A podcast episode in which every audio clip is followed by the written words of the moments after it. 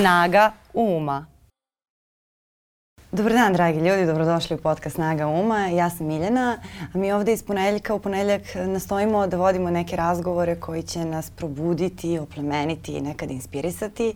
Ove nedelje tema je baš posebna. Mislim, posebna za mene i verovatno posebna za mnoge koje će pogoditi. Uh, tiče se snage uma, ali i snage srca, snage ljubavi. I te neke specifične veze koje postoje između samohranog roditelja i deteta koji žive sami i idu sami kroz svet. Ja sam čerka uh, samohrane majke i dosta mi je ta tema, da kažem, bliska i dosta mi je lična. Ali opet, uh, mnogo puta sam slušala i gledala u medijima kako se ta tema obraća, uh, obrađuje i uvek je delovalo kao da se u tim situacijama biraju strane. A moj neki utisak da je uh, u centru te priče i da u centru te priče zapravo treba da bude ljubav i ja bih danas volila da razgovaram upravo o toj ljubavi i o toj snazi sa mojom divnom gošćom, glumicom i fantastičnom mamom Danijelom Vranješ. Hvala ti. Sad Tresem se. Baš znači, raznežila, da. Znači ovo mi je najava koju sam uradila i bukvalno se tresem. Ja se izvinjam ako sam negde malo zapela, ali takva je tema. Ne, ne, baš je, baš je najava, baš je odlična najava. Da. I trebalo mi je malo vremena da skupim petlju da radim ovu temu. Kako se tebi čini? Pa i meni je trebalo da skupim petlju da dođemo ovde. I ove, nije, nije lako govoriti o tim stvarima. Mi smo u jednom privatnom razgovoru pomenule kako su samohrane majke, ajde da ne isključimo očeve, mhm. -huh. samohrani roditelji, često nekako tihi u javnosti. E, prave se kao da je to sve normalno i sve ok i, i, i sve to zapravo sve super. I jeste, ali nekako se mi previše više trudimo od ovih e, e, klasičnih porodica ovaj, da, da se prikažemo tako kao da nemamo probleme, da sve kao da zato što imamo više dostojanstva. Jer ono nekako kad, ja to upoređujem sa, sa majkom Lavicom. Zaista, mm -hmm. mislim, možda neki tata Lav, evo, ali ja sam majka pa ću pričati o svoje ime. I ove, danas je jako moderno to kad ti kažeš mi majke, onda odmah se jave neki a mi. Mislim, ovde mm -hmm. govorim o svom ličnom iskustvu, da nikoga ne uvredimo. Uh, uh, imaš tu potrebu da ne da samo da zaštitiš svoju malu zajednicu uh, neobičnu u očima drugih, nego da pokažeš da ona nema, da ona ne, ne treba ni, ni po čemu da izaziva nikakvo sažaljenje i da se ni po čemu ne razlikuje od drugih, da možda čak nekad i bolja. Tako da pričat ćemo o tome. Da, da i to je taj da. moment eh, razumevanja koji meni strašno smeta i verujem da smeta i dobrim očevima. Verovatno. Mislim, eh, ljudi su različiti, razvodi su različiti. Eh, nekad je razvod dobra opcija zbog toga što je jedna osoba veoma, veoma loša prosto. Nekad je razvod dobra opcija zbog toga što se dvoje ljudi više ne vole pa ne žele da, da žive u, u braku bez ljubavi, ali to ne znači da, da nije teško. Mm. Slučajevi su prosto različiti, ali ja bih ovde volela pre svega da govorim o toj ljubavi kao motivaciji koja nekako prevagne da. sve, te, sve te brige uh, i mislim da, da, smo, da smo dobar tandem za razgovor da, da. zato što sam ja čerka jedne takve majke uh, i veoma se sećam detinstva i sećam se tog osjećaja uh, i te neke veze koja je dosta jaka i danas kad imam dosta prijateljica koje su samohrane majke, tačno mogu da, da prepoznam uh, uh, takvu vezu. Nisu ni svi mhm. samohrani roditelji toliko bliski sa svojom decom, uh, ali tu zaista postoji nešto što je, što je specifično. To je zaista kao mhm. nas dve protiv celog, protiv celog yes, sveta. Yes. Uh, ne kao da. protiv tog tate ili protiv familije, ili nego kao da stvarno ti sad guraš da. ceo svet i kao da je ceo svet na vama dvema. Pa da, tako mm. i ispada i iako ljudi govore i pitaju da li nešto treba, jel možemo nekako da pomognemo, svi se nekako, svi bi hteli nekako i svi misle, sad ja, ako bih ja rekla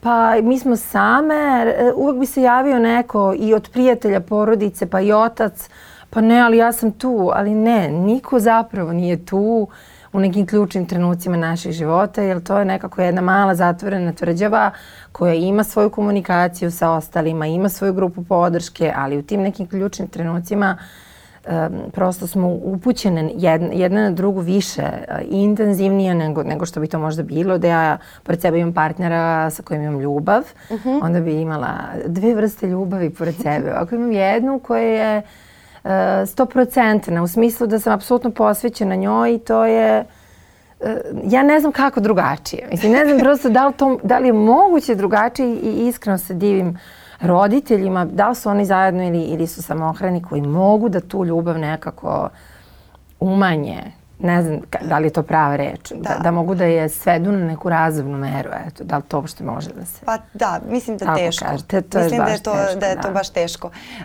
ajde da krenemo od tog trenutka kad si saznala da si trudna.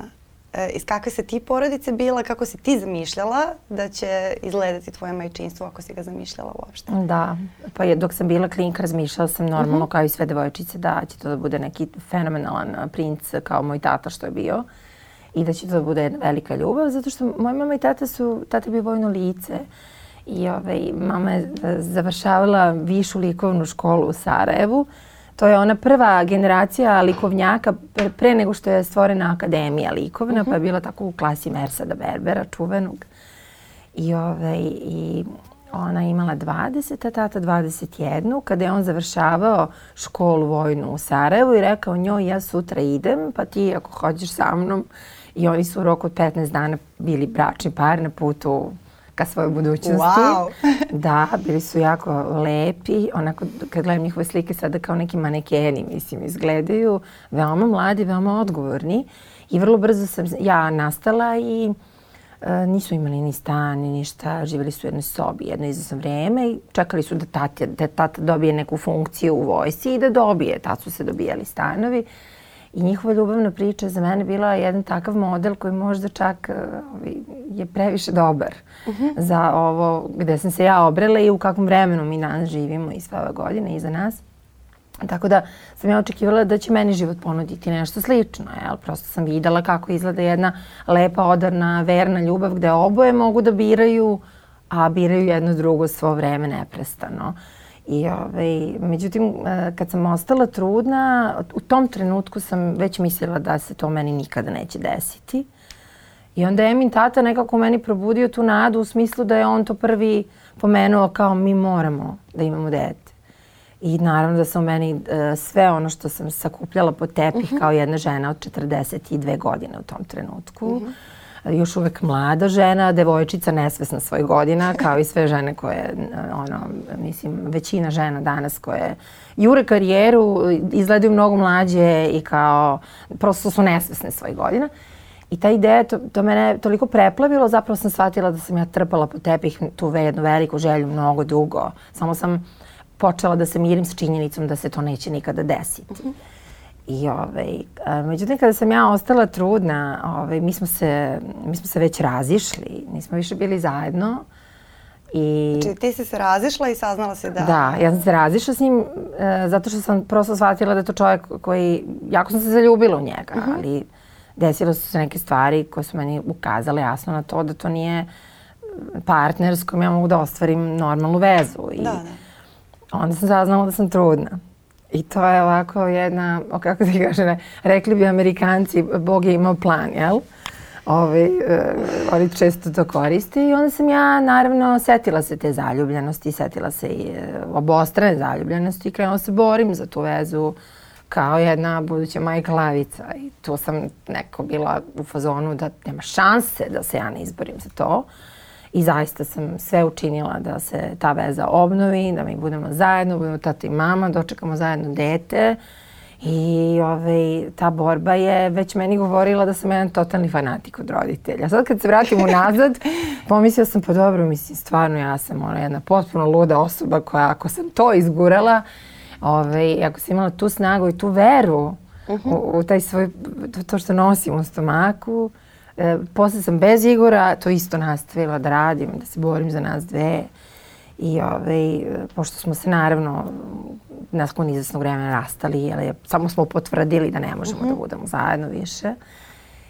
Ali to nikako nije pokolebalo. Ni moju želju da bude mama, ni moju želju da ostane mama, ni moju želju da budem najbolja mama na svetu sa svim svojim nesavršenostima. Tako da ba, definitivno sam kroz sve te nedaće potvrdila da ja imam tu snagu i da sam baš trebala da budem mama. Da, i to je taj osjećaj, e, mislim... Neobjašnjiv da, da, da, dosta sam, meni je moja mama dosta govorila o tome do koje mere se ona drastično promenila u trenutku kada je saznala da, da. je trudna. Da. Kao Kao da me tada već da da, kao tebe. da kao da me već poznavala. Nas gde smo dosta bliski i dan danas smo dosta bliske. I imala sam taj, taj tu čvrstu porodicu, rasla sam uz nju baku i deku, deku koji je neverovatan moj heroj mog detinjstva. A moji roditelji su se razveli kad sam imala četiri godine što je kao dobro ovaj, za dete jer ti si kao dovoljno mala da ti nije sada problem, a opet dovoljno velika Aha, da... Kažu da je dobro, da. To, da, moja mama je baš imala ka- kao maltene savjetnike, psihologe i pedagoge za svaku nedelju mog razvoja još tad 90-ih. Ali je to jedna jako, jako specifična veza i taj, taj odnos do koje mere um, je ona u stanju da totalno zanemari neke svoje potrebe, što sam ja njoj recimo u pubertetu zamerala. Mhm. Kao, jer ja sam želela da ona bude, i to je, mi smo disale zajedno. Ja mislim da nas dve i dalje dišemo zajedno, da ćemo uvek, da, Da, to, da, to je da, pa neka s- veza koja je potpuno... Super mi kad to čujem, Potpuno, pošto da, da. koja je potpuno neverovatna. Uh, I recimo, to se dosta govori i meni to zbog toga smeta, jer kad god je ovako neka emotivna tema, uh, ljudi imaju tu tendenciju da biraju strane. I misle da je to Mhm. najvažnije. Misle da je najveća podrška, e, ja sam na tvojoj strani, tvoj muž je kreten, ti si super i kao ja sam sad uradila. Baš Ali ne, mislim da ti ne. kada si unutar tog zamka, Da. da je to poslednja stvar koju ti ti želiš u stvari. Apsolutno me ne zanima. Ja čak ni ne dozvoljavam da se u Mm. mom prisustvu e, na taj način govori e, o e, Eminom ocu. Mhm. Ja mogu sa svojim bliskim ljudima da komentarišem i tako, ali zaista ne dozvoljavam da se zauzima takav, takva vrsta stava. E to ono s početka priče E, želim da ljudi vide ono što je najbolje i što je e, zapravo nešto što treba da bude uzor ne samo samohranim roditeljima, nego uopšte roditeljima. Mislim, kad ti roditelj može biti hrabar, jel? Da kao tu čuvaš tu svoju tvrđavicu. A, a, a nemamo ništa mi od tog previranja i kopanja po prošlosti, niti ima dete nešto od toga. Činjenično stanje je jasno vidljivo, jeli? I to je ljubav koja se vidi je nešto što nema potrebe objašnjavati, analizirati, a ne znam da se neko usuđuje da kao to kad vidi e, traži i da li ima nešto iza i da li je to istinito i pravo, pošto onda taj neko verovatno ne vidi dobro ne vidi jasno ljubav. Dobro, a to je već problem druge vrste. Da, ljudi tu pro- polaze od sebe. Ima, Pa polaze od prosto sebe da, ima različitih da, tu da. situacija i često se dešava u razvodima da ljudi decu koriste jedni protiv, protiv drugih. U, to je užasna Da, stvar. zato ja imam tu teoriju da, da, da, da većina ljudi zaista treba u trenutku kada se razvede da krene na, na terapiju za parove kako bi naučili da komuniciraju Da pred se decom. svađaju ko ljudi, da, to da se ne Pa da, svađaju pred decom. Pa ne, da. kako da komuniciraju da. zajedno zbog deteta, da nauče kako da se, da. budu tim i da prevaziđu te neke svo, ta neka svoja razočaranja. Jer Da. nekad je to razočaranje što kao neko nije uspeo kao par ove, i ta Jeste. neka tuga koja se pretvori u bes zaista može da bude, Da. može da bude pogrešna. Razarajuće, Ali ovo mi da. nije deluje da je tvoj slučaj. Mislim da... Moj ovaj, uopšte nije, da. Ja, ni, ja Jesi, nisam... ti da. si onaj tip verovatno koji, e, to se recimo mojoj mami dosta dešavalo, ona je na sve načine gledala da ja dok ne napunim 18 godina imam e, vezu sa cijelom njegovom familijom i sa njim da te veze ne prekidam, pa neka sam u pubertetu, neka prolazim kroz razne faze, ti dok ne napuniš 18 godina, znači ti ćeš viđati oca, ti ćeš, e, e, i stvarno ga jeste strašno mnogo pravdala. Sada ne znam da li ti je to poznato. Pa vidi, ja Mhm. kad pričam s Emom uh, o, o njenom tati, um, kad je ona nešto ljuta Mhm. na njega, ja se onda trudim da je pitam, da pričam s njom o tome. Mhm. Ne, nikad ne podržavam a priori njenu ljutnju Mhm. i nikad ne gledam na to, tu njenu ljutnju na njenog drugog roditelja kao na nešto što ima veze sa mnom. Ili kao na šansu da doliješ lju- ulje na vatru. ne. Da, I da, uvek joj jasno dam do znanja da, ovaj, da, da, da, da su te stvari uh, odvojene. A, po- podržavam naravno viđenje sa ocem od uvek i uvek sam se borila da to bude zdravo u okvirima onoga što je dobro za dete i imamo mi probleme tog tipa da nemamo isto viđenje e, naše situacije i forme viđanja i svega. To su sad naše neke privatne stvari, ali nikada, a to i on zna od kako smo bili momak i devojka, ne bi odvojila niti branila detetu da viđa oca. I to je nešto što Ja znam koliko meni moj tata značio. Mislim, to je, ja sam njega rano izgubila, imala sam 20 godina kad je preminuo. Već sam bila zrela osoba koja je pisala fakultet dramskih umetnosti, krenula svojim putem i tako. Ali kada nemaš oca, da, pored sebe da s njim se posvađaš, pa to je stvarno strašno. Znači, ne pričamo o dobrim stvarima, Da. to je bonus neviđen. Ali makar da se posvađaš sa ocem, i to znači više nego da ga nemaš. To mnogo više Da, znači jer ti jest. tek, um, mislim to mi je baš poznato, Da, da, da. E, jer ti tek kad e, dođeš u tu situaciju da se sa tatom svađaš, on je stvarno tvoj tata. Da, on nije to. neko koga moraš da hendluješ. Mhm, mhm. Mislim, to ti kažem kao čerka ra- razvedenih roditelja. stepen intimnosti koji je zaista To je dragocen. ipak, da, onda ste Jeste. porodica Jeste. e, ove, iz, ugla, iz ugla deteta. A kako hendluješ tu situaciju? Bože, počela sam da koristim taj termin hendlu, hendlovati iz nekog razloga. Pa moderna E, mlada Da, baš sam ušla u privatan ovaj, način razgovora. Neka, neka. Ali e, kako se nosiš e, sa tim situacijama kada tebe nešto njegovo povredi pred njom? To mi je recimo zanimljivo. Pa u tom trenutku ne reagujem. Ne reagujem u tom trenutku, pa onda da se saberem nekako kod kuće. Pa sam ranije znala da mu napišem jednu detaljnu poruku o tome kako ne bi smeo to, to i to. Međutim, vremenom se i to izgubi. A Jel pred ti- njom, jel to kriješ? Pa ja pred njom mnogo toga krijem. Mnogo toga krijem. Mislim da mi od njih ne možemo ništa sakrijemo, ali ja se trudim da to ne bude e, ružna manifestacija mojih emocija. Pa ako recimo vidi da sam uznemirena ili da mi se plače, ja kažem vidi mami se sad plače, ja ću se sad malo o, povući pa ću negde da se isplačem, ali tu sam ako ti nešto treba. I ona to isto radi kad se njoj plače otvoreno mi kaže mama meni se plače i vidim da sam je naučila da se nikako ne stidi svojih emocija, ne mora da ih pokazuje burno i ne mora da to radi tako da uznemiri druge koji nisu bliski, jeli?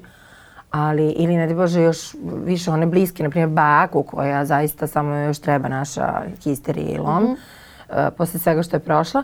Ali emocije kao takve da se prihvate, da se s njima poneseš, to sam je naučila. Ali ja to radim vrlo onako, rekla bih, otmeno. Mislim, tu sam i registrujem ih i nekako se trudim da se s tim izborim. Ali na kraju dana njen tata je u našim pričama neko ko je dobar muzičar i to je nešto što i ja mislim, tako da onda o tome pričamo najviše. Da, Kada nemamo moje- ni o čemu da. ne drugom, onda pričamo o tome kako tata super muzičar i onda uvek se uhvati, kako, ti kažem, roditelj mora da se hvata za ono u što se nekada zaljubio. Jer ne znam, ne znam kako drugačije. U, u suprotnom mi bismo bili e, razjarene zveri i dete bi gledalo razjarene zveri. A pošto dete sa mnom živi, ajde ako tata nekad i bude nekad a, otvoreno hejtuje mamu, evo da ti se pridružim u mojim izrazima, ne moram ja da budem tako da to radim. Ovaj, prosto eto da, da, da, da, da, da, im, da bude neka ravnoteža. E, To se i meni dešavalo sa mojom mamom. E, ona je ta, hvalila, ne znam, intelekt mog oca, e, hvalila je prosto to kako se on ponaša prema drugim ljudima, držala se tih nekih e, isto divnih stvari koje su njegove dobre osobine. Ali e, mislim da je e, u mom slučaju to imalo efekta iskreno samo do nekle. Jer e, ti sad kao da te neko pita da li dišeš zajedno sa Emom, dišeš. I da li da. u svakom trenutku ti znaš svaku njenu mikromimiku da ne može ti promakne. Da li se, da li se ona rastužila ili se nije, da li je baš, ako je rekla da je sve po volji, a nije joj baš po volji, znaćeš. E, ali e, ti kad si mali, ovaj, zna i ona za tebe. Jer isto kao što ti dišeš sa njom, verovatno i ona diše sa tobom. Mislim, ja sad govorim u svoje ime. E, koliko je moja mama disala zajedno sa mnom i ja sam disala zajedno s njom. I e, čak i u tim nekim baš mladim godinama kada, na primjer, nisam mogla da razumem zbog čega se moja mama plaši e, kada tata zove. Ja sam znala da se ona plaši, ja sam njemu to zamerala. I e, šta god ona meni rekla posle za njega, to je nešto ostalo što sam ja morala da raščistim kasnije kada sam odrasla. To mene nije uh, okrnjilo emotivno. Zato što sam imala tu jaku bazu, zato što sam imala i jakog deku koji mi je mnogo, mislim koji u tom trenutku je bio i mlađi i bio je do- u, u snazi u tom nekom smislu. Ali imala sam veliku količinu ljubavi u kući za koju stvarno mislim da me, da me je spasla. Verovatno bi mnogo toga drugačije bilo i, i radila bih drugačiji posao. E, ovaj, sve bi bilo drugačije da nije bilo te ljubavi, ali ti to osjećaš i mislim da je to dobro i za očeve da znaju.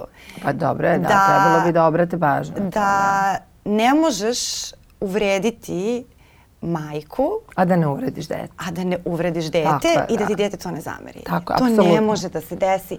Mislim, apsolutno. verovatno je isto tako i sa požrtvovanim očevima koji dišu sa svojom decom. Apsolutno, Pa da. dođe mama koja dođe jednom nedeljno ili tako da. dalje. Komplikovane su situacije. Sada da ne moramo da se da, se da ne moramo da toliko da, politički korektni, ali da, da se to podrazumeva. Da, pričamo iz svojih da. tih nekih iskustava. Naravno, da. Kada si sa nekim jako blizak, mm -hmm. prosto to čak kao da ok, vas dve ste dve jedinke, ali i niste. Ta kuća je jedinka. Da. I nema toga, to je uvek u, u, uznemirujuće. Yes. I kod mene je recimo sve to nekako došlo na naplatu kasnije. Mi smo ostali u kontaktu do moje 18. godine, onda čak i posle moje 18. godine sam sa ocem imala neki kao na izgled ok odnos, jer on dosta toga i promenio na sebi. Mm -hmm. Međutim, ne, negde sa 25 godina, mislim kada sam ja zaista na jednom emocionalnom nivou i sazrela, Mm -hmm. pošto je i to proces. Mm -hmm. Nije baš da sad napuniš 18 godina i odjednom si da. savršena ličnost. Odjednom imaš 35. Nije baš tako. Ove, tada sam ja shvatila da je meni potrebno vreme uh, i da meni njegovo prisustvo smeta i ja sa njim sam obavila jedan razgovor i mi dugo godina nismo govorili i on nije znao da li ćemo ikada više govoriti. I to se sve nekako, onda mi je umro jako dobar prijatelj i posle 7 godina sam ga pozvala, tada, kad se to dogodilo. I onda sam shvatila da sam u tom nekom periodu i kroz svoj razvoj i sazrevanje i sve, uh, ja uspela kao prvo sve to da shvatim i mm. Da mi je taj period bio značajan uh, da ja po prvi put mogu sa svojim ocem da razgovaram iz pozicije razumevanja i saosećanja, a ne iz pozicije, da kažem, devojčice kojoj otac nije bio onakav kakav, kakvog je ona možda zaslužila ili trebala ili iz pozicije bilo kakvog besa. Dakle, da. da razgovaram sa njim ne tako da se sad ja sa njim takmičim ili da imam želju da ga povredim ili, ili bilo šta, nego da mu pomognem. Da. I onda je to taj odnos zaista kakav treba kakav treba da bude, onda možemo da se posvađamo oko toga da li on uh, ide kod lekara ili ne ide kod lekara, jer je to svađa da. koju ti treba da vodiš sa ocem kad imaš 34 godine. Ne treba Tako da vodiš da. sa ocem neke svađe druge, ali da se zaista to raščisti, to je u mom slučaju tako bilo. Sada nove generacije su mnogo i naprednije i sve, neke stvari se dešavaju brže. Brže, da, brzo ali, oni kapiraju. Ali je taj... Ali to je proces u svakom slučaju. Jeste, to ne može da. da bude, to je uvek proces, jer ne može da mm. bude sad odjednom sve u redu ako nije bilo u redu u nekom ključnom periodu. Da, kada da. su majka i dete povezani do te mere da dete osetilo, ne razume, ali osetilo e, svu neku bol i strepnju i patnju e, koju je majka osetila u trenutku kad se razdvajala od, te, od tog gnezda koje je prvobitno mhm. pravila za dete i od oca deteta i sve. I, I onda, ne znam, imam utisak da kod nas u balkanskoj kulturi uh, A možda ne samo kod nas, očevi često misle da te prve tri godine ne treba uopšte da budu tu. Pa kad dete propriča, onda oni preuzimaju stvar. A deca jako dobro osete ako oni nisu bili tu te prve tri godine. A pogotovo ako je bilo nekakvog konflikta, nasilja i, i raznih nekih stvari koje prosto moraju da se upamte mm -hmm. emotivno, a ne, nesvesno možda, ali one ostavljaju trag. I onda dete ne može da ostvari odmah istu bliskost s ocem kako bi otac možda želeo, Iako se on među vremenu promenio, na primjer. Radio je na sebi. A to ne ide tako. To je proces, to prosto mora... Zato kažem, roditelj mora mm. biti hrabar. To je, što je rekao pokojni Glogovac za glumu. Skačeš u vodu i plivaš. E tako i s roditeljstvom. Onog momenta kada dovedeš dete kući, skačeš u vodu. Nema veze, mutna, duboka, pirane te ujedaju, ali ti moraš da plivaš. Ti ne možeš, ti nemaš vremena da odložiš. To je počelo onog momenta kad si dobio dete. I to je plivanje. I ti se rveš sa tim vodama dok ne uđeš u neke mirne vode. Te su mirne vode mnogo lepe. Kad uhvatiš uh, kormilo i kad ti voziš svoj brodić i dete dobro i kapiraš dete i dete tebe kapira i super komunicirate, ali znaš dotle treba doći. I onda ne znam, možda očevi nešto, pa vrlo često i otac misle da to može se preskoči. To ne Ali ne može da se preskoči, mora da se polako sad, sad ne nadoknađuje, nego polako uspostavlja kontakt za koji je propuštena šansa možda. Jeste, da. I to je mnogo, mislim, mislim da to njima posle mnogo teže pada. Pa da, ali mislim, kako da ti kažem? Da, da to što su propustili, ako su propustili, njima posle mnogo teže padne. Jer je u, u većini slučajeva kukavičluk. Pa. Ti dobiješ neko prečisto, divno biće, još tako kada je devojčica, a ti si da. neki muškarac koji živi ono, ovako i onako i tako dalje. Da, da. I tu je strašno mnogo izgovora, i, ali je i strah. Šta sad ja mogu da uradim ovom detetu, da ga ne pokvarim? Ništa. ali moraš se popraviš. da, da. I po, pogotovo, pa ne, apsolutno moraš. Ja kad sam dobila dete, ja sam postala pu, puna osoba. Osetila sam punoću svoje ličnosti. Nisam to je verovatno, puno sam ja radila na sebi pre toga i sve to se nekako sastavilo u celinu. Znaš ono kao onaj peti element. Uh -huh. Sve imaš, ali ne funkcioniše. E, u tom trenutku je sve ono što ja znam i što sam radila na sebi ikada pre, pa čak i ona moja loša iskustva, po, po, postalo nekako smisleno. I u tom smislu se promeniš. Ti se zapravo ne promeniš ako postaneš ti. Uh -huh. Onakav kakav si. E, i, i, I onda osjetiš u svoju snagu i kreneš s tom snagom da barataš u, u nečiju korist, ne u svoju. A to je mnogo dobro kad počneš nešto radiš u, u tuđu korist, u korist nekog bića, drugog. I to je ta bezuslovna ljubav mm. koju prvi put osjetiš i onda shvatiš i svoje roditelje i kako su se oni, kroz šta su se prolazili i šta su sve žrtvali. A, a, a, a roditelji koji to ne shvate, često očevi to budu, pa da ima i majki, koji to ne, ne, ne ukače odmah, uh, oni, oni prosto propuste jedan dragoceni deo razvoja svog. Da, svog... tu najintenzivniju da. ljubav. To je da. nešto što je da. jako teško, zato možda treba praviti škole roditeljstva za mlade parove pre nego što postanu roditelji. Ja ne znam da li to ikad može da se kontroliše, da li to prosto, da li mi ljudi pokušavamo previše toga da kontrolišemo, Ali mi nikad zapravo ne znamo, ako nismo dovoljno obrazovani, ako nas neko nije naučio, ako nismo svoje porodice to vidjeli, kakav ćemo biti roditelj. Ne, mi, to je lutrija. Pa, s jedne strane je lutrija, s druge strane je činjenica da danas koliko je napredovala psihoterapija, koliko su napredovale sve nauke koje, koje se tiču prosto našeg bića, naših strahova, naših trauma i tako dalje, mi možemo da rešimo probleme e, koje su nam možda preneli roditelji, svesno ili nesvesno, pre nego što postanemo roditelji da te prosto probleme naših roditelja ne bismo prenosili dalje. Ali pazi koja svesnost ti treba za tako nešto? Pa dovoljno da ukucaš na Google šta treba da radiš pre nego što po, postaneš roditelj reći će ti Google, ide pa na da. psihoterapiju. E, ja sam to radila, ali vidi, e, nije svako, ima ljudi da. koji misle da, da ne treba ništa da rade na sebi. Da je to sve okej. Okay. Da to nepromenjiva stvar da su beznadežni slučajevi, da to prosto, ne znam, da, meni Igor, nije, meni Igor rekao nije. kad je ima bila mala, baš ono, prvih dana, e, slušaj, ja nisam neki ovaj, to pelene i to, ali evo, ja ću tu da ne znam, nešto drugo, a mislim šta drugo u tom trenutku. Pa Tako da prosto, da, i onda ne znam, ne, stalno je negde bio i uopšte nikad nije bio tu. Uh mhm. -huh. I sećam se, Ema je bila baš mala beba, prolazi, uh, moja mama je puno pomagala. Ja dva, 30 dana nisam pustila nikoga da mi pomogne, ja sam mislila da to mogu sama i 27 dana tačno nisam spavala. Za svo to vreme Igor je tu nešto bauljao, ali kako ti kažem, dojiš dete, praviš mu, ne znam, preslučiš dete, kupaš dete i tako u krug i prosto nisi više normalan. I srećan si što je sve to tako nevjerovatno. Ali počinje da ti se vidi fizički. U jednom trenutku jedna naša prijateljica došla i rekla, pa, pa vi vidite kako ona izgleda i koliko je umorna. I onda je Igor rekao na to, mislim, nadam se mi neće zameriti, pošto to stvarno tako, rekao je naše prijateljice, ne, to je njoj sve prirodno. I to su oni momenti kada ti e, gubiš slovo pod nogama i ukoliko se taj trend nastavi u odnosima muško-ženskim, stvarno, mislim, nema šta tu više da tražiš, jel? Uh mhm. -huh. Ali ovaj, e, to uopšte nije istina. Jeste nama prirodno, ali nije nam prirodno da crknemo od umora. Mislim, treba nam apsolutna pomoć, nam treba, treba nam e, podrška, treba nam ljubav, treba da nas neko pita šta mi želimo. A, ne treba nam, ne treba nam, e, kako ti kažem, ništa posebno. Možda nam treba kafa u jednom određenom trenutku dana, ali da se tačno oseti kad.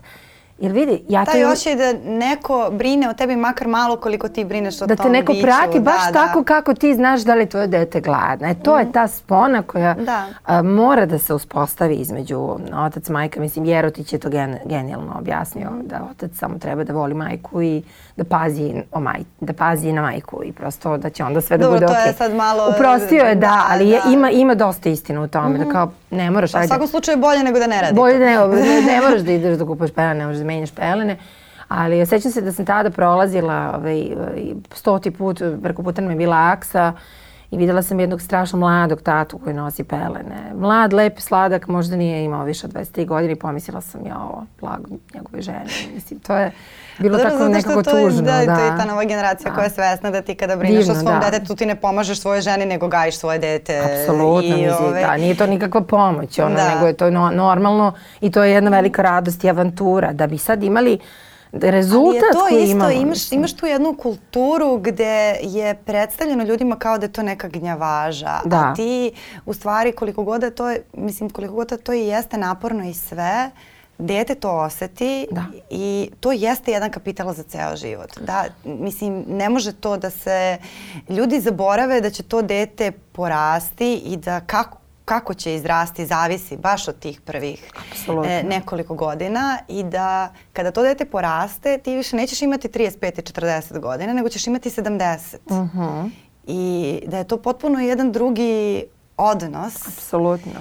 Apsolutno. i da su potpuno drugačije potrebe i da isto kao što je tom detetu ovaj, potrebna pažnja tada će tebi biti Mhm. potrebna da ni, nećemo svi uvek biti cool, da nije Mhm. svrha života uvek ukrasti dva sata. Da. Ali, ali to je isto jed- je- jedno zato što se ne, mislim da se i o tome dovoljno, dovoljno ne priča. Da neki Pa ljudi ne. zalutaju, uh, a da ni ne znaju. Pa ima jedna, jedna moja opet prijateljica, divna, ima jedan uh, Instagram profil gde se bavi dosta pitanjima roditeljstva.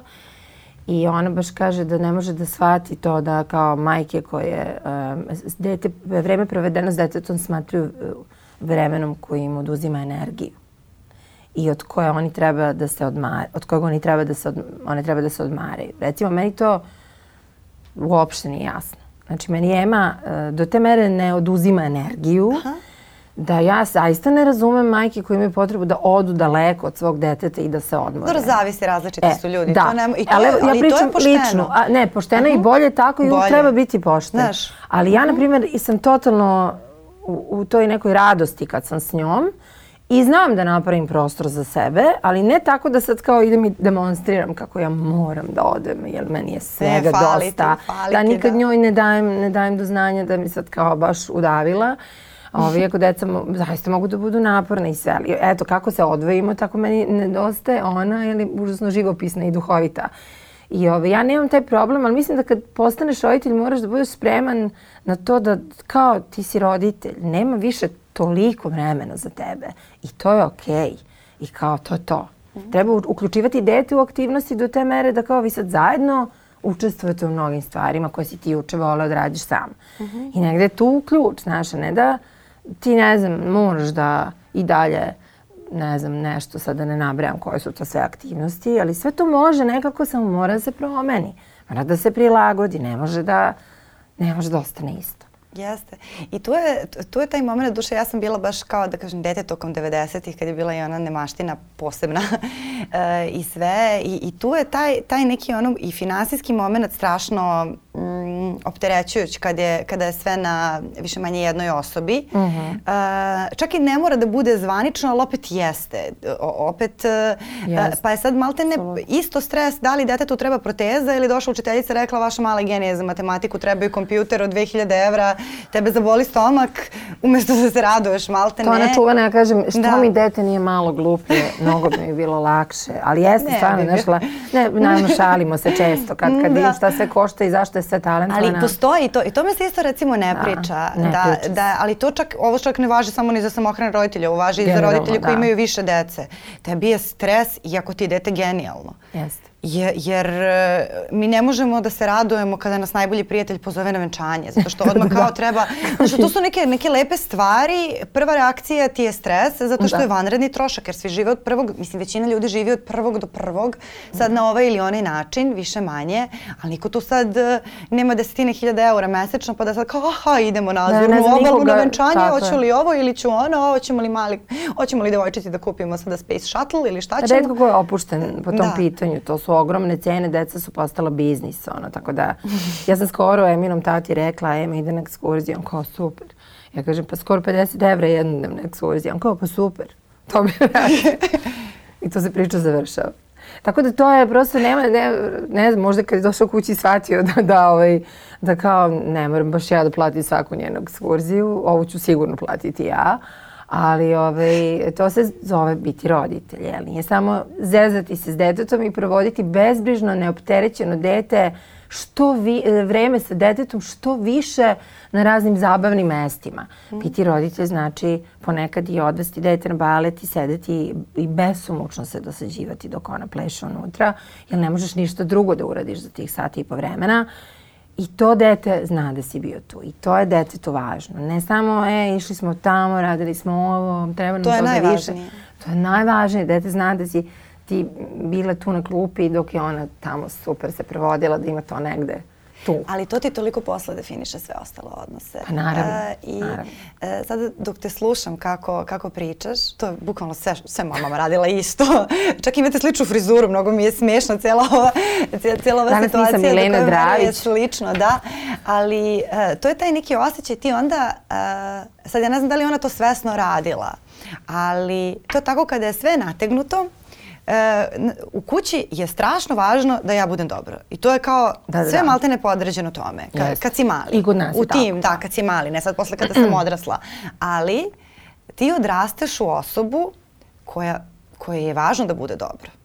Pa to je super. I ti, ti, ti ćeš, uh, možeš da padneš energetski kroz različite životne faze, svi mi prolazimo uh, uspone i padove, ali u tom padu nema zadržavanja jer taj glas ti ostane, on će uh -huh. da ostane mhm. zauvek. Apsolutno. Ja stvarno znam, znam da će glas moje mame ostati zauvek do koje mere je važno e, i, i onda ta neka autodestrukcija je nula na kraju Absolutno. dana. Znači ona može da bude neka faza, može da bude izlet i onda ti to definiše i uh, odabire ljudi. Ti možeš da nađeš na loše prijatelje, na loše partnere, ali ti se tu nećeš zadržavati, ti ćeš biti tužna što su oni takvi. Tražit ćeš uh mhm. -huh. podršku koja je prava. Uh -huh. I mhm. neminovno je nađeš. Ja sad stvarno govorim o, o svom iskustvu, ali ja mislim da je mene to definisalo. To što, što je sve što sam ja radila nekim ljudima, mojim ljudima bilo važno. Da. I onda e, je i to mene definisalo u tu osobu da je meni strašno važno sve što moji bliski ljudi rade i porodica i prijatelji i kako se zaista osjećaju. Ne, Ali ono je jednako važno si... i da oni o tebi brinu to, na da, taj a i taj neki osjećaj i ako da. nemam taj osjećaj nešto nije u redu. Aha. Znači neki će se alarm upaliti i to će da se pali vrlo mm -hmm. brzo i ove, tu ne mora da bude čak, recimo ja nisam sklona tim nekim baš, no, da kažem, ekstremnim reakcijama, dramama i tako dalje, ali ću jednostavno gledati da se iz, iz takvih odnosa sklonim zato što mi nije udobno. Meni je udobno u tim uh, odnosima gde je apsolutna ljubav, gde je apsolutno poverenje, da smo mi musketari, svi za jednog, jedan za sve, tako maltene je. Tako i, u, i, i u poslovnim okruženjima da smo svi tu jedni za druge, da tu nema nekih zmija, da nema nekih ono dakle. smeštanja i tako dalje. Da je sve jasno. To, iako da sam naučila krivo, da se da. snađem i u takvim situacijama, ali posle nekih godina više ne moraš i onda tražiš da radiš sa ljudima koji su totalno, da ti znaš da sutra da što ako treba nekome ću ti da kračim stan. Ali to je to, to je taj neki ono osjećaj da smo tu i da se nikada ne osjećaš kao da te neko koristi, e, kao da ti treba da koristiš nekog, nego baš onako kako u stvari treba da bude. Mislim da je to da. ogroman kapital. Ja to mislim. Da je to sedenje, da. sedenje na baletu veći kapital nego da je svake nedelje kupiš garderobu za 500 eura. Ja, tata me uglavnom to, ma dosta tata dovodi balerinice male na, na to je stvarno pa predivno videti. Da, da, roditelj da. koji je on. Roditelj koji je tu. Ovaj, koji, koji je tu. Koji, koji će da se dosađuje. Koji, koji će, ko, to, to je urok službe. Pa mislim, da, znači ćemo da, mi posle neki drugi način. Da ti roditelj nije događaj, da ti, nego da, da je tu. I da, da nije dete došlo da ti oduzme nešto, nego da te oplemeni, da ti oplemeni život. Ja ne znam, to je iskreno, jako važno. To je da. nešto što ne, ne, ne znam, to je ono, e možda to je to, je saže, to je u tome sve što smo sad malo pre htele reći. Dete stvarno, ako, ako nisi shvatio da je došlo da ti oplemeni život, onda nisi shvatio šta to znači biti roditelj, zaista. Mislim, zaista to je ono, možda nekad spas za neke ljude. Bukvalno oni to ne vide. E, jedan ogroman izazov, jedan, jedan ono, to ne, ne, neviđen roller coaster, ali, ali zaista ono, ono što si, za čim si tragao čitav život, a što ti je e, stalno bilo nekako tu na domak ruke, ali nikako da ga dosegneš, odjednom dobiješ u jednom malom biću Šansu da budeš najbolji. Šansu da budeš za nekoga ti najbolji i da, da ti konačno budeš ono što treba da budeš, da radiš na sebi do te mere da to dete sutra bude ponosno na tebe. Ne, ne da te se ugleda na tebe da mora da te poštuje, nego da radiš na sebi tako da to dete gledajući te postane neki divan čovjek koji posle puštaš u svet i oplemenjuje ovaj svet. Baš kao što je to dete tebe. Znači, skroz je obrnuto. Ne, mi njih vaspitavamo, da, okay, pravimo mm. im granice. Ali oni od nas prave ljude uh, u mnogo velikom broju slučajeva. Ima yes. onih divnih ljudi. Naravno to kada poraste, vidit ćeš kada Ema poraste. Tu, da, jedno Znači čeka. tu da. taj, tog life coacha nisi videla. Već sam imala situacije, ove, ja se nešto nasikiram, a ona me ovako uhvati za glavu i bila je jako mala, svi smo se zgranuli kad je to uradila. Ovako me uhvatila za glavu i rekla, mama, bit će sve u redu. A tad je rekla, sve će da bude u redu. Pošto ima neka priča i ovo i ovo, sve će da bude u redu i ona je nekako skapirala da se to sve će da bude u redu, čarobna rečenica. I kad mi je to tada rekla, bila baš mala, ja sam bila, malo sam zublažila. I onda najlakše ti da objasniš to, pa dobro imitira me dete, mislim imitira nekog, ali zapravo sam posle kroz vreme shvatila da, da jako kapira i da je dobra prima svima iz svog okruženja i da jednako, da, da ona voli svoju porodicu, da ona razume da tu neke stvari nisu baš po, po ovaj, PS-u ili kako se to sad kaže, ali da, da je da je da je, okay. da je ona okej okay i da, je, da su svi prema njoj najbolji što mogu.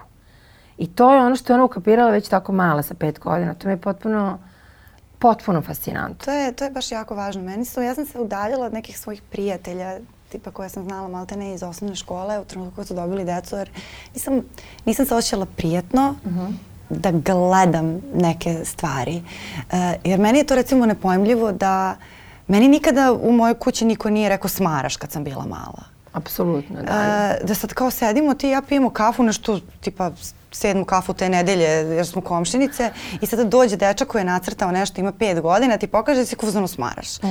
I I sad to jednom, drugi put ja sad onda tu mogu da animiram nešto, ali prosto kao, ne, ne možeš ti sada vaspitavati tuđe dete, niti znaš sve okolnosti, niti tako dalje, ali sam shvatila da me to jako pogađa i da, da mi je to prosto onako Aha. jako važno, jer to onda niti da se mešaš, niti da se ne mešaš, a to su te neke sitne stvari, jer dobri ljudi neće nikada zakažu na, na krupnim stvarima, Aha. mislim, mm. nego na tim nekim malim stvarima koje se omaknu ili se ne omaknu i to je uvek strah. Kao, de, gde, gde ti se omaklo, da nisi ni primetila? Imam jednu, imam jednu super priču za te traume dečije, male, mm -hmm. sitne povodom mm -hmm. toga. Rekla sam da sam odrasla u sretnoj, e, srećnoj porodici, su me jako volali i sve, ali i bio jedan incident koji se desio između mene i mog tate kad mm -hmm. sam bila mala. On je došao nervozan sa neke vojne vežbe i ja sam prosula jogurt. Zajedno smo doručkovali. Mm -hmm. I ja sam prosula jogurt i on je uh, strašno viknuo na mene u tom trenutku. Ali bukvalno zverski viknuo na mene. Da. I ništa, mama je došla, obrisala to, sipala mi novi jogurt. Mnogo godina kasnije moj otac je preminuo od multiple skleroze. Imali smo divan odnos u smislu jako podržavao to što sam uh, htela da upišem glumu, pa je mhm. plakao od sreće kad sam upisala glumu. I tako mislim, on, je, on bi bio danas moja velika podrška i ta podrška mi strašno nedostaje u mhm. životu. Ali uh, kada je on preminuo, kako ostane ta mala traumica. Tu noć sam sanjala, sahranjali smo ga i sve i tu noć ja spavam, nekako uspem da zaspim, sanjam kako on silazi stepenicama i sedam moj krevet i ovako odjednom se stvori čaša jogurta. Pa ti sam to događaj zaboravila. Posle kad sam, kad sam se utro probudila, setila sam se šta je to. Uh mhm. -huh. Čaša jogurta i on ovako gleda. I jogurt se prospe I on me gleda ovako sa očima punim ljubave i uradi ono što je trebao tada da uradi. Samo ako rukom pređe i ta fleka nestane sa osmehom na licu. Imam utisak kao da je njegova duša ukapirala da je ta jedan moment mala mrlja u našem mm -hmm. super odnosu. Eto, e, zamislite koliko velike traume ostavljaju trag na decu. Mislim, zamislite vi koji gledate. Da, da. To je neka... Da, to su te neke to su sitne, sitnice, sitne da, stvari, ali mislim da... Uh, recimo Deca ono što je mene, da, a i roditelji imaš. Tu, da, imaš ti tu uh, gomilu nekih stvari, svi se trude najbolje što mogu, ali neminovno će negde da se Da dogodi. pogreši, Tako naravno, se, zato što su to živi ljudi, ti kao, naročito u javnosti, to sve je crno-belo. Svi su ili zlikovci ili superheroji, Da, da. nema sredine i niko nikada nije proso jogurt. Niko Da. nikada nije Viknuo uh, viknuo zato što je udario možda nogom u sto i tako dalje, dete se prepalo i Da, da. sitne neke te stvari. Apsolutno. Ali da je možda tu najvažnije da ti osnažiš dete dovoljno da radi na sebi da to prepozna. I recimo ja sam mojoj mami zahvalna što koliko god je to moje detinjstvo bilo i komplikovano i takvo puno strepnji i svega i Mhm. koliko god da se ona trudila da to da, da, da, da sluša i te psihologi sve prosto ne možeš ti stvoriti idealno okruženje pa čak ni da je imala idealan brak čak, čak ni da nismo živjeli Tako je. 90-ih u Srbiji Pa i deca su nekad da. ni za dupe ni za glavu, znači potpuno to, razularena. šta, šta, Tako da. mislim, kao na, napolju se čuje kako neko puca iz heklera, šta, kako to da objasniš detetu? E, 90. I, ovaj, e, znaš, uvek se desi nešto, ali da možda ta, ta sposobnost da ti kada porasteš jedno po jedno prosto kreneš da osvestiš, pa Mhm. da onda e, u nekom trenutku i svojoj majci kažeš, e, to si radila, to ne treba, ja Mhm. sam to promenila, pa promeni ti ili tati ili kako nekome. Prosto ta neka sposobnost da se prilagođavamo sebi i svojoj prirodi, jer ti opet dete kad dobiješ ne znaš kakva će ona priroda Mhm. Biti, možda uradiš najbolje što možeš, ali to da se, da se dete osnaži, da, da treba da bude srećno, Mhm. da treba da radi na tome, da se osjeća što bolje ovaj, i da nije mama bezgrešna, da nije tata bezgrešan, Niko nije da, savršen, da, tako da ćemo se menjati dok smo živi, da smo procesi, da smo tu i da je jedino što je savršeno ta ljubav. I da je to u re... ta, da, tako je. Ta Mhm. ljubav je stvarno nešto što u svakom trenutku mora da se osjeća. Mhm. I ona se prosto osjeća. Ja sam došla umorna na intervju, ali kako smo krenuli da pričamo o Emi, tako se meni ovaj, vratio osmeh na lice. I tako je uvek.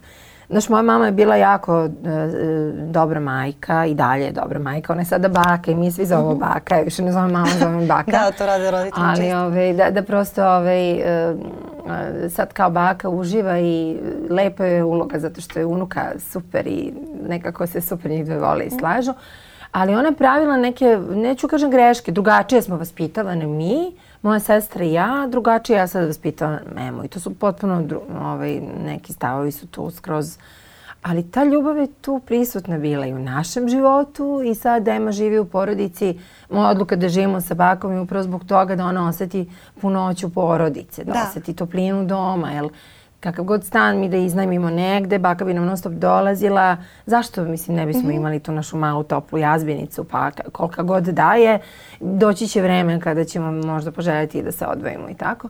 Ove, baš sam Normalno htela je, to da, još osjeti. to je okej. Šta god da grešimo, koliko god da grešimo, deca osjećaju ljubav i, i još preciznije osjećaju kad ih neko razume, kad ih neko kapira. A kapira ih roditelj koji sam brljavi. I onda kad ti kažeš ja sam, izvini, stvarno sam malo nervozna, nisam trebala ovo. Sad vidiš kako su mi loše ispale palačinke. To je zato što kad mama kuva neraspoložena uvek ispadne loše. Onda se mi smejemo, ali onda ona meni sutra kaže mam, crtam. I nije mi pošlo za rukom da ovo nacrtam. Jako je elokventna inače za svoj i nis, nije mi dan. Ja kad sam neraspoložena, jednostavno ne crtam dobro. I počela je sama sebe da shvata bolje, zato što ja njoj objasnim neka svoja stanja. Savršenstvo apsolutno nije važno. Samo ta ljubav da to bude, da znamo koja je naša svrha, kad već imamo tu decu, da budemo tu za njih i sve će da se nadoknadi, da se postigne. Mislim, to je nekako ne, ne, znam, ni- juče pitao neki novinar na nekom događaju, Daniela, šta je najteže sada kad ste postali majka? ja sam možda zdala. Kraju, Ja sam, tamo, "Ej, ono, bukvalno vic za ništa." kraj. Ali nema, što ti kažeš, nema sredina. Šta je najteže? Ja kažem, ja mi veruješ da ništa. Regali kad znači, pomer- uživate. kada kažem, regale. Ne, ne, kao, znači uživate odmah. Pa ne, ne uživamo non stop. Pa ne, ne, ne, ne, ne, ne, prosto ima ili je, ili uživaš ili je najteže. Nema ono pakao, da. prihvatanja života kao takvog. Da. Da. Mnogo ti hvala na ovom razgovoru. Ma, hvala Mnogo bi da tebi. traje, traje mnogo duže, baš mi je Hvala tebi, ja sam inače verni fan svega što ti radiš. I to je i od uvek sam, od kako sam te upoznala, a davno smo se upoznale, ja sam imala osjećaj da ćeš raditi nešto jako lepo i plemenito i korisno. I, i kad si počela ovu emisiju, ne znam da se sećaš šta sam ti napisala, hvala Da, ti na da. ovome, vrlo, jako je važno da se neko bavi e, psihom našom i, i mentalnim zdravljem i, i u užem i u širem smislu. To je mnogo važno, mnogo nam to svima treba. I nemoj nikada da promeniš koncept emisije. Ni, ni po koju cenu. Neću, Nikakve mislim pare da ne, ne se- prihvata i samo ostani Ne, kasno je, to, to da sam htjela da, se, da, da idem za parama, odavno bih verovatno krenula tim putem, tako da Ne, bilo bi nije super da neko uloži tebe, a da sve ostane isto. Razumeš, to bi bilo Ove, strano. pa ja se trudim da, da, da pre svega tu akcenat bude na razumevanju i na razmišljanju i na tome da, da izađemo iz tih fioka podrazumevanja. Ovo je baš jedna tema o kojoj ljudi nekad olako a, razmišljaju, olako donose sud, a, olako komentarišu, a mislim da. je Da. strašno puna i da iz svake priče, svi imamo neku samohranu majku u okruženju. O, da. Eto, ovaj podcast je primjer kako može da se razgovara. Uzmite, razgovarajte sa njima. Ove, sigurno ćete čuti nešto, nešto lepo. Dakle, ovo nije razgovor o tome kako e, psihološki precizno i šta je najbolje za vaše dete, mada ćemo imati i takve razgovore. Ove, vola bih da ugostim i neke divne očeve da pričaju o tome. Mislim da je to jako važna tema. Jest. Ali ovdje je možda e, suština bila da, da se razumemo i da budemo više tu jedni za drugi. Tako je. Hvala ti na tome. Hvala tebi, hvala i vama na vremenu i pažnji. Sa mnom je danas ovdje razgovarala Danijela Vranješ i hvala joj mnogo. Hvala i vama na razumevanju ako ste ovo razumeli. Meni je bilo važno, znam da je i njoj bilo važno. Biće važno i ljudima iz vašeg okruženja koji prolaze možda kroz ovakvu situaciju ili su prolazili u detinjstvu. A mi smo tu i sljedećeg poneljka na Nova RS, podcast platformama i sredom na Nova S YouTube kanalu. Prijetno!